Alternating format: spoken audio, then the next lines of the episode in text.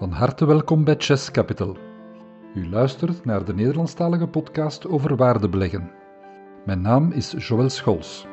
Samen met mijn medeoprichter Sam Hollanders lezen we de boeiendste boeken en volgen voor u de memo's en blogs van de grootste waardebeleggers.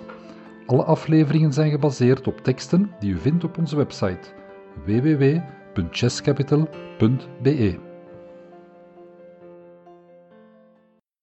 Beste belegger, eh, goedemiddag. We zijn aan aflevering 17 in onze podcastreeks gekomen. De derde in een trilogie, zeg maar, die gaat over risico's, schulden en waarderen. Indien u de vorige podcast niet heeft beluisterd, dan heb ik het specifiek over de vorige twee, dan adviseer ik u toch om dat eerst te doen, alvorens met deze verder te gaan. In deel 1 hebben we het gehad over risico's en schulden. De manier waarop een waardebelegger kijkt naar een bedrijf en de risico's die eraan verbonden zijn en het belang van de schulden dat dat bedrijf heeft in dat verhaal. In deel 2 dan heb ik het gehad over een aantal methodes die je kan gebruiken om een bedrijf te gaan waarderen. Dat uh, is goed om die eventjes nog eens op een rijtje te hebben. En we hebben ook gezegd dat we in deze aflevering, de derde, dat we gaan kijken meer in het bijzonder naar de discounted cashflow methode, de fameuze DCF-methode. Deze methode is gebaseerd op de wetenschap dat een investeringsgoed een waarde heeft die gelijk is aan de kaststromen die je eruit kan halen over zijn ganse levensduur. Die kaststromen die moet je dan gaan verrekenen naar de waarde van het geld op vandaag. Want je weet dat een euro vandaag ja, niet dezelfde waarde heeft als een euro binnen vijf of tien jaar. We mogen ervan uitgaan dat die binnen vijf of tien jaar minder waard zal zijn. Dus we gaan die verdisconteren naar vandaag. De som van al die verdisconteerde kaststromen, dat is de waarde, de faire waarde of de intrinsieke waarde die we dan geven aan het bedrijf vandaag. Denk dat dat helder is tot uh, zover, hè, maar we moeten het nu in de praktijk toch eens gaan uitwerken, want er zijn nogal wat valkuilen, haken en ogen die je goed dient te vatten alvorens je aan die oefening begint. Ik wil u dat inzicht geven aan de hand van een verhaal. En de inspiratie voor dat verhaal die heb ik bekomen bij Vitaly Katzenelson. En dat is een man die Sam en ik hebben ontmoet in Zwitserland tijdens het jaarlijkse Value X-congres van Spier, waar 80 waardebeleggers van over de ganse wereld samenkomen en hun kennis delen. Vitali is um, ja, geboren in het Russische Moermansk en met zijn ouders verhuisd naar de Verenigde Staten in de jaren 90 en hij woont daar nu met zijn gezin in Denver, Colorado. Hij is een gerespecteerd waardebelegger, heeft uh, boeken geschreven. Ik heb begrepen dat hij nog aan een, een, derde boek nu bezig is. En iemand die heel veel verstandige dingen deelt op zijn podcast en zijn, uh, zijn blog. Het verhaal dat mij geïnspireerd heeft om het uh, DCF-gebeuren aan op te hangen, gaat over een boer en over een koe.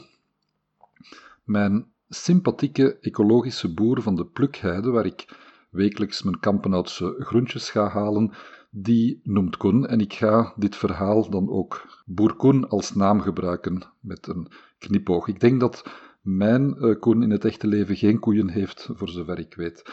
En de koe zelf die gaan we de legendarische naam Marguerite geven, bekend van de film La Vache et le Prisonnier, uh, voor de ouderen onder ons bekend, uit 59 met Fernandel in de hoofdrol. Het verhaal gaat als volgt. Boer Koen die weet heel veel van koeien. Hij kent de koeienbusiness door en door, die gaat van vader op zoon. Hij heeft wat geld opzij gezet, boer Koen, om een nieuwe koe te gaan aanschaffen. En tijdens de driedaagse koeienmarkt gaat hij op zoek naar zijn perfecte koe, de koe Margriet. Alvorens naar de markt uh, te gaan met de, met de veiling, die dan ook uh, dagelijks daar gebeurt, gaat boer Koen zich een idee vormen van wat zijn Margriet mag kosten. En hoe gaat hij dat doen? Wel, uit ervaring weet hij dat een koe, zodra ze twee jaar is, dagelijks zo'n 20 liter melk produceert en dat gedurende een vijftal jaar. Elk jaar dient ze te kalveren om de melkproductie op gang te houden. Dus laat ons zeggen dat ze iets meer dan 300 dagen per jaar melk kan produceren. En Boer schat dan ook in dat zijn ideale margriet zo'n 6500 liter per jaar gaat opbrengen. Hij weet ook dat hij gemiddeld zo'n 30 eurocent per liter ontvangt voor de melk. Zijn jaarlijkse melkomzet schat hij dus afgerond op zo'n 2000 euro. Om goed te kunnen melken heb je gezonde koeien nodig, goede apparatuur en heel wat kosten dus voor voeding en onderhoud van de stallen. Boer schat dat de kosten voor een perfecte verzorging van Marguerite op zo'n 1000 euro per jaar uitkomen. Langs de andere kant is er ook het kalfje dat Marguerite eh, voortbrengt, één keer per jaar, en dat Boerkoen dan ook weer kan verkopen, gemiddeld voor zo'n 600 euro. Bent u nog altijd mee met de cijfers? U kunt ze ook vinden in ons artikel op de website, daar staan de getalletjes uitgeschreven en kunt u um, rustig met de getallen volgen. Na vijf jaar hard labeur van uh, melk en kalfjes produceren, wordt Margriet geslacht. Het overgrote deel daarvan komt terecht in vleesproducten zoals rundervinken, verse worst, gehakte hamburgers en het is ook maar een triest einde voor onze Margriet. Maar dat is dan de liquidatiewaarde, zoals we in de bedrijfswereld zouden noemen, uh, van de koe en die brengt ook nog eens 1000 euro extra op voor Boerkoen. En nu komt de 10 punten vraag. Wat is Margriet effectief waard? Hoeveel mag Boerkoen uitgeven aan zijn Margriet? Netto zal Margriet dus 5 keer 1600 euro plus 1 keer 1000 euro opbrengen. In totaal dus 9000 euro. Boerkoen weet dus dat hij niet meer mag betalen dan 9000 euro voor zijn perfecte koe, want dat is het bedrag dat ze in de toekomst wellicht zal opbrengen. Maar in die vijf jaar kan er van alles gebeuren. Het geld wordt wellicht minder waard, inflatie, en met het geld dat hij nu uitgeeft, kan hij ook niks anders doen. Dat noemen we dan opportuniteitskost. Gelukkig heeft Boerkoen een schoonzoon die economie gestudeerd heeft en die nu in een bank werkt. Zijn schoonzoon weet dat risicovrije rente vandaag heel laag staat en hij wil wel voor gegarandeerde kaststromen wil hij wel uitlenen aan 3% rente. Hij wil dus 8.300 euro betalen. Dat kan je eenvoudig berekenen door de jaarlijkse inkomsten te verdisconteren aan 3%. Dat is een eenvoudig Excel-sheetje dat je kan gaan maken. Maar de kaststromen die zijn niet gegarandeerd. Margriet kan immers ziek worden, ze kan plots minder melk geven of erger nog, ze kan sterven. Kortom, er kan van alles gebeuren onderweg. Aan het beroep van melkboer zitten serieuze risico's. Die risico's gaat boer Koen niet verwerken door aan de kaststromen te morrelen, maar wel door ze te verdisconteren in de rentevoet die hij gaat gebruiken.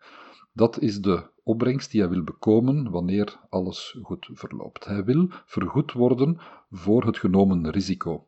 Hij wil bijvoorbeeld 7% extra risicomarge bovenop de risicovrije rente. Zeg maar een soort verzekeringspremie voor de bedrijfsrisico's. In totaal wil hij dus minstens 10% rente. Een eenvoudige berekening leert ons dat zijn risicovolle kaststromen ja, dat die dus vandaag ietsje minder dan 7000 euro waard zijn. Heel exact 6.974,35 euro, maar we ronden eventjes af naar 7000 voor het gemak. Margriet mag dus niet meer kosten dan 7000 euro. Zo niet neemt boer Koen extra risico dat hij niet verrekend heeft. Nou, bent u nog altijd mee? Dus die 7000 euro is de intrinsieke waarde van Margriet voor boer Koen. Merk op dat iemand anders de risico's anders kan inschatten door andere ervaringen, door andere inzichten, door een betere of een minder goede kennis van het uh, bedrijf uh, van, van koeienmelker en dus op een andere intrinsieke waarde kan uitkomen. Dat is ook zo wanneer we bedrijven gaan uh, waarderen, dat mensen andere inzichten kunnen hebben in functie van hun achtergrond. Maar Boerkoen heeft zo pas bij de Vlaamse Federatie van Beleggers, de VFB, een cursus gevolgd over waardebeleggen. Hij volgt ook de betere websites en podcasts over waardebeleggen. Zo heeft hij geleerd dat je beter een extra veiligheidsmarge neemt, de fameuze margin of safety. Het zou wel eens kunnen dat hij zich toch vergist heeft in zijn berekeningen. Dat de prijzen voor koeienvoeding stijgen, Dat kan heel plots gebeuren, dat de marktomstandigheden veranderen, dat er uh, bijvoorbeeld een virusuitbraak komt, om er iets te zeggen, bij koeien dan wel, en de melkprijzen die kunnen in elkaar stuiken. Allemaal niet ondenkbaar. Zijn levensslogan van Bourkoen is immers hopen op het beste, maar voorbereid zijn op het ergste. Bourkoen neemt zich voor om 30% extra marge te nemen en dus Margriet enkel te kopen wanneer ze 30% in de solden staat ten opzichte van haar intrinsieke waarde. Dus zal Koen niet meer willen geven dan pakweg 5000 euro. Boerkoen rekent niet tot achter de komma. Hij maakt zijn berekeningen op een bierviltje. Die extra veiligheidsmarge is nodig als buffer. Een extra kussentje, zeg maar, bovenop de standaard bedrijfsrisico's. Indien alles goed loopt, dan genereert die buffer ook extra marge. Heeft zijn huiswerk gedaan en de koeienmarkt die komt eraan. Het hele dorp maakt zich op voor de driedaagse hoogmis. Boeren komen van heinde en verre om hun Marguerite te vinden. Elke dag kan je koeien keuren en is er een veiling tegen het einde van de dag. Het enthousiasme van de boeren, het blije weerzien na een coronaperiode, het mooie weer maakt dat de kopers enthousiast luisteren naar de verkoopspraatjes van de verkoper. De prijzen voor de melkkoeien gaan stevige prijzen. Ze worden verkocht tussen de 7000 en de 10.000 euro. Veel te duur voor Bourcon, die wel drie exemplaren op het oog had, maar hij paste voor deze te hoge prijzen. Boeren die wel kochten, die pochen trots met hun aankoop en kijken meewarig naar zij die niet kochten. De tweede dag praat Bourcon met jongere boeren die ook niet gekocht hebben de eerste dag maar de prijzen wel best oké vonden. Ze hebben ook geen koeienrecessie meegemaakt en ze zijn van plan om de tweede dag aan die prijzen te kopen. Bourkoen legt uit dat er heus wel betere momenten komen om te kopen. Iedereen is te enthousiast volgens hem. De tweede dag doet het mooie weer en de overvloedige drank zijn werk. Wie nog geen koe gekocht heeft, wordt een beetje nerveus en de prijzen swingen de pan uit. De koeien gaan wel tot 12.000 euro. Veel hoger dan wat een koe ooit kan opbrengen. Dat is waanzinnig. De markt is in totale euforie, de verkopers wrijven zich in de handen. Bourkoen staat te kijken van zoveel onzinnige deals die gesloten worden. Hij wordt een beetje uitgelachen door de jongere boeren die trots met hun koe staan te pronken. Die oude weet er niets van, hoort hij dan fluisteren. De derde dag is iedereen een beetje marktmoe. Er zijn veel minder kopers komen opdagen. Het is ook een wat regenachtige, winderige dag en de markt sleept zich naar zijn einde. De verkopers hebben nog wel mooie exemplaren te veilen waar ze absoluut van af willen. Liefst een koe wat goedkoper verkopen dan ze morgen terug eten te moeten geven. Bourkoen wacht geduldig zijn moment af. Hij heeft ook nog een koe gevonden die perfect voldoet aan zijn kwaliteitswensen en die de geschatte opbrengsten wel zal kunnen waarmaken. Hoe hard de veilingmeester ook zijn best doet, vandaag gaan de prijzen echt niet hoog. De prijzen blijven door de depressieve marktomstandigheden steken en de kopers kunnen vandaag hun slag slaan. Bourkoen biedt op zijn margerit en de prijs gaat niet hoger dan 4800 euro. Dat is 200 euro minder dan de prijs welke hij met de veiligheidsmarge ingerekend zich had voorgenomen. En wat is hij blij? Een kwalitatieve koe, zijn Margriet voor een schitterende prijs. Zijn geduld wordt beloond. Heeft Bourcon zich enkel gebaseerd op een DCF-methode? want hij heeft zijn berekeningen, zijn huiswerk netjes op voorhand gedaan, op die manier aan zijn 5000 euro als maximale grens gekomen. Wel, eigenlijk had hij ook eens gekeken naar de prijs op andere markten, wat er daar geboden werd. De CSMA, de Cow Services and Markets Authority, publiceert elk jaar de prijzen waartegen de koeien verkocht worden. En Bourkoen had gezien dat gemiddeld zo'n 6 tot 7.000 euro geboden werd op koeien zoals zijn Margriet. Dat komt overeen met een prijs op vrije kaststroomratio van rond de 4. Maar hij zag ook dat de prijzen uitzonderlijk boven de 10.000 schoten, een ratio van bijna 6, en dat er uitzonderlijk koopjes te doen waren rond de 4000 euro, een ratio van minder dan 2,5. Was Bourcoun nu ontevreden omdat hij niet op het allerlaagste punt kon kopen? Hij kocht dan een ratio van 2,82. Nee, helemaal niet. Hij heeft zijn huiswerk gedaan, hij heeft onder zijn veiligheidsmarge kunnen kopen en dat is mooi. Dat geeft een fijn gevoel en hij is tevreden over zijn aankoop. Moraal van het verhaal. Ik denk dat iedereen begrepen heeft dat de volgende elementen van essentieel belang zijn. Grondig je huiswerk doen, veldwerk doen, kennis van de business, een goede voorbereiding, weten wat je aankoop effectief waard is, wat die gaat opbrengen in de toekomst, het hanteren van een goede kwaliteitsinspectie bij de keuze van de koe, kennis van de gangbare prijzen en wat inzicht in de gebruikelijke ratio's en een eenvoudige rendementsberekening. En vooral, heel erg belangrijk hebt u gemerkt, de juiste emotionele ingesteldheid, die dan vooral omhelst dat je heel veel geduld moet hebben. Dat zijn de winnende ingrediënten voor een goede investering. Dat is waar het om draait bij waardebeleggen.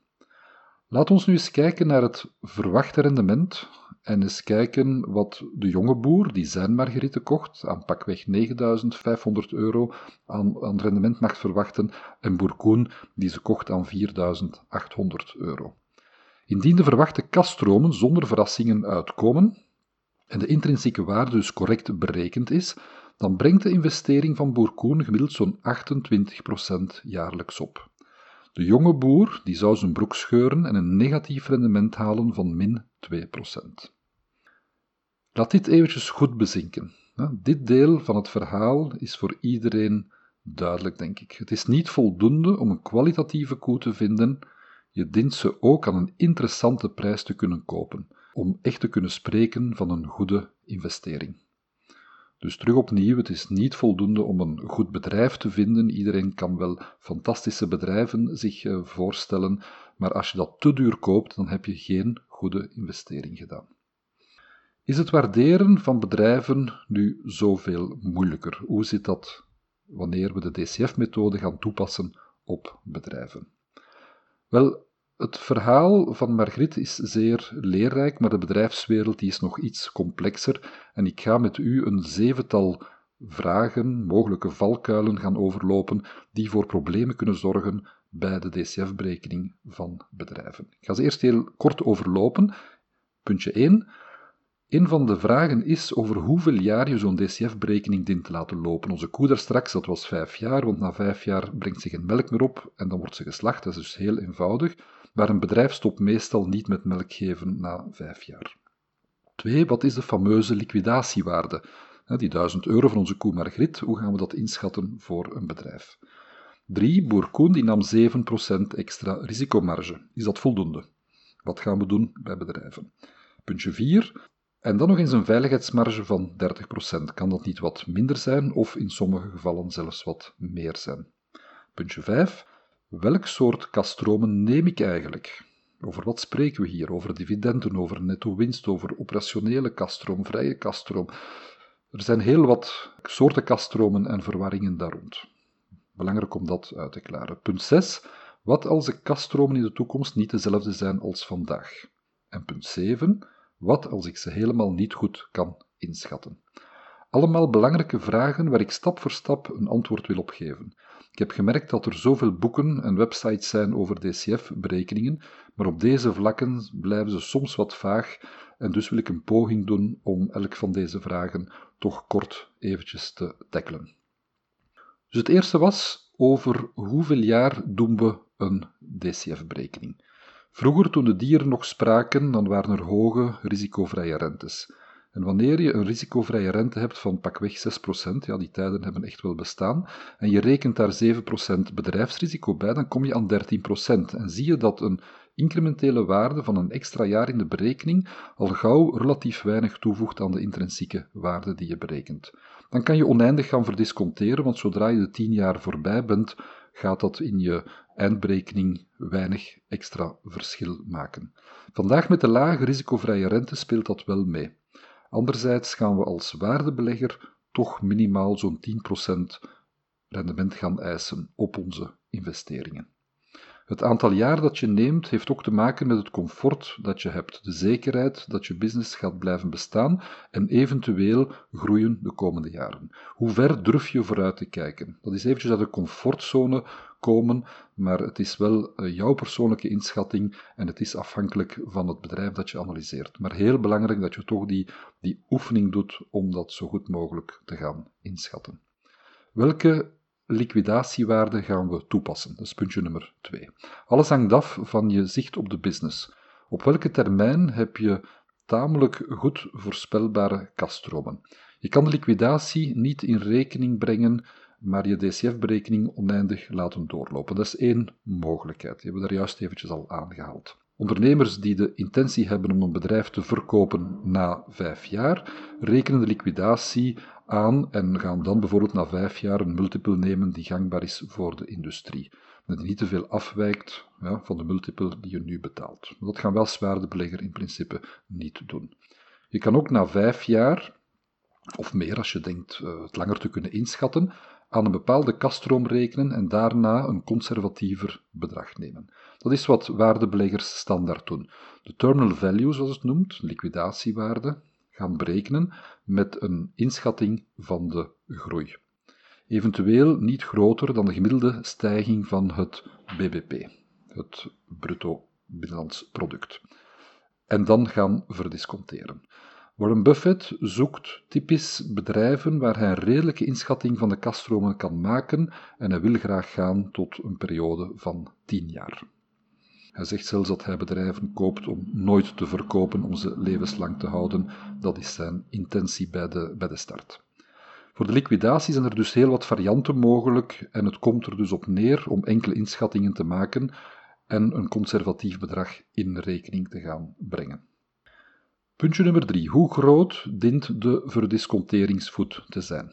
Zoals gezegd, Sam en ik eisen minimaal 10% op onze investeringen, maar voor de iets risicovollere ondernemingen durven we wel tot 12 of 15% gaan eisen.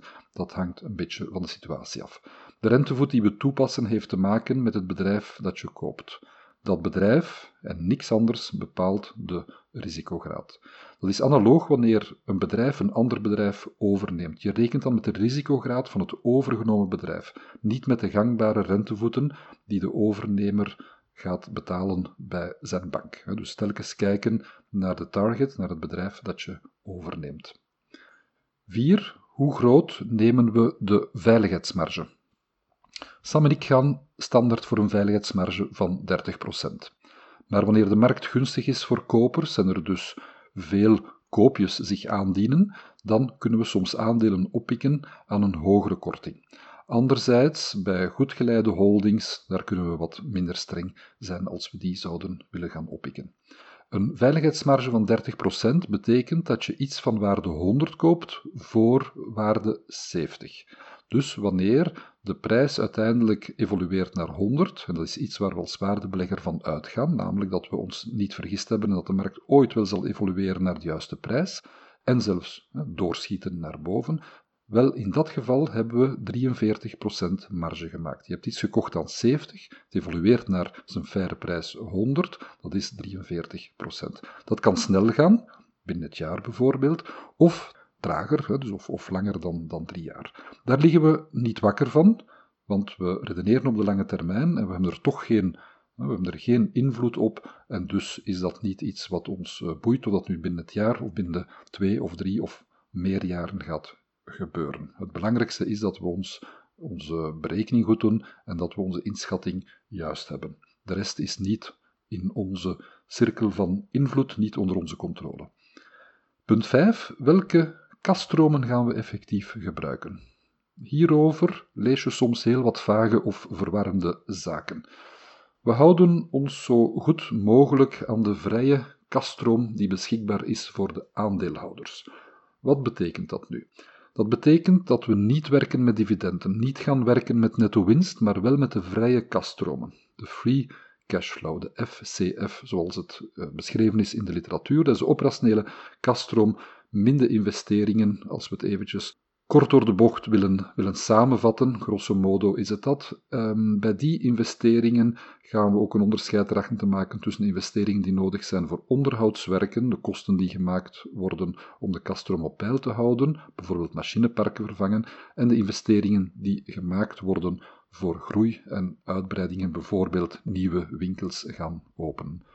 Dat is soms wat puzzelwerk, maar ik eh, illustreer met een voorbeeld hoe ver je hierin kan gaan. Een waardebelegger legde eens uit dat hij voor Netflix de investeringskosten voor nieuwe producties beschouwde als onderhoudsinvesteringen. Waarom? Als ze geen nieuwe producties zouden aanschaffen, dan zijn ze binnen de kortste keren out of business. Dus nieuwe producties wordt niet als groei bekeken, maar als noodzakelijke onderhoudsinvesteringen. Enkel wanneer ze meer producties zouden aanschaffen in een jaar dan wat ze gewoon zijn, dan kan je dat verschil als groei beschouwen.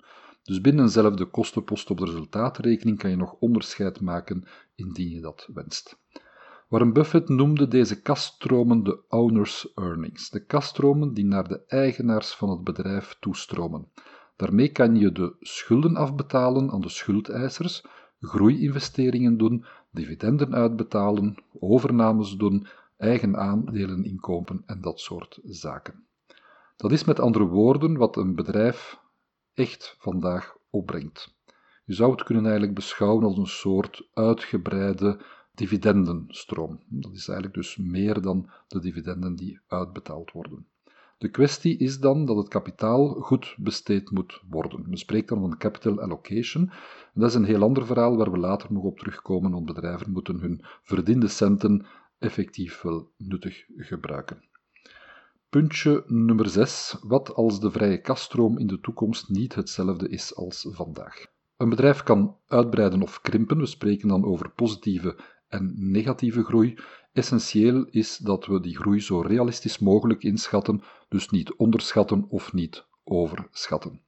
Dit deel is intellectueel het meest uitdagende. Hoe zal een bedrijf presteren in de toekomst? En dan gaat het niet over het inschatten van het marktaandeel, want dat is nog relatief eenvoudig, maar wel de groei die ons hier interesseert, namelijk de groei van de vrije kaststroom. De verschillende drivers van groei ja, zijn behalve meer productverkoop ook zaken als prijsveranderingen, groeit of krimpt de bruto-marge, stijgen of dalende kosten, wat met investeringen en zoveel meer. Het volstaat om te kijken hoe de vrije kaststroom is samengesteld en je weet dat elke parameter invloed daarop heeft. We zullen op die parameters die de groei aansturen in volgende artikels nog terugkomen. Want ja, deze kunnen inschatten is een oefening waar de waardebelegger voor staat. Wanneer we een goed beeld hebben van deze toekomstige kaststromen, dan gebruiken we deze getallen voor de komende jaren. En puntje 7, wat als ik ze niet goed kan inschatten? Wel, in dat geval verhoogt je risico en dan verhoog je best ook je verdisconteringsvoet die je gebruikt in je DCF-berekening. Wanneer je bijvoorbeeld vrij zeker bent dat de kaststromen de eerste twee jaar stabiel zijn, maar dan daarna heb je meer twijfels, dan kan je ook verschillende rentevoeten gaan gebruiken voor die periodes. En als je weinig of geen zicht hebt op de toekomstige kaststromen, dan laat je het bedrijf gewoon links liggen, want er zijn honderden andere kandidaten om te onderzoeken waar je dan meer kans hebt op een correctere waardering. Blijf ook bij de domeinen waar je inzichten hebt, blijf bij je cirkel van competentie. Zo, ik hoop dat het niet uh, te zware materie was. Het is wel een, een veel langere podcast geworden waardoor we rond het uh, halve uur komen. Maar ik hoop dat het u ja, wat inzichten gebracht heeft over DCF-berekeningen, dat het u wijzer gemaakt heeft en dat u ook uh, inzicht verschaft hoe Sam en ik kijken naar deze methodologie en hoe we ze effectief toepassen. Onthoud vooral dat je de zaken niet moeilijker moet maken dan nodig, maar dat je wel je huiswerk grondig dient te doen. Het beste lukt dat bij een business die je kent of die je makkelijk kan begrijpen. Probeer geen kaststromen te begrijpen van een branche waar je helemaal niks van, van snapt en waar het bedrijf in kwestie een mooi marketingverhaal heeft, hoe ze een nieuwe markt gaan aanpakken, maar dat kan wel eens heel verkeerd uitpakken. Neem een gezonde verdisconteringsvoet, neem een voldoende hoge margin of safety, en kijk met de juiste emotionele ingesteldheid, zoals onze boer Koen deed, naar de volatiliteit op de markt. Een geduldig belegger zal beloond worden wanneer hij aan de juiste prijs kan kopen, wanneer die zich aandient. Het is de markt die naar jou komt, die je plots die mogelijkheid geeft om aan die prijs te kopen. Loop niet achter de prijzen na, ga niet gaan opbieden, want dan ga je uiteindelijk geen goede zaken doen. We gaan in de toekomst dit verder eh, bespreken, dit denkkader gebruiken en we gaan de waardering heel concreet van bedrijven dan ook gaan bespreken in volgende podcasts. Dat is iets wat op de agenda staat en waar we gaan naartoe werken de volgende weken en maanden. Zo, ik hoop dat het u kon boeien. Uh, uw feedback is van harte welkom. Heeft u er vragen over, opmerkingen, dan weet u ons te vinden, chesscapital.be en dan horen we met plezier uw vragen en bemerkingen. Tot een volgende podcast. Dag.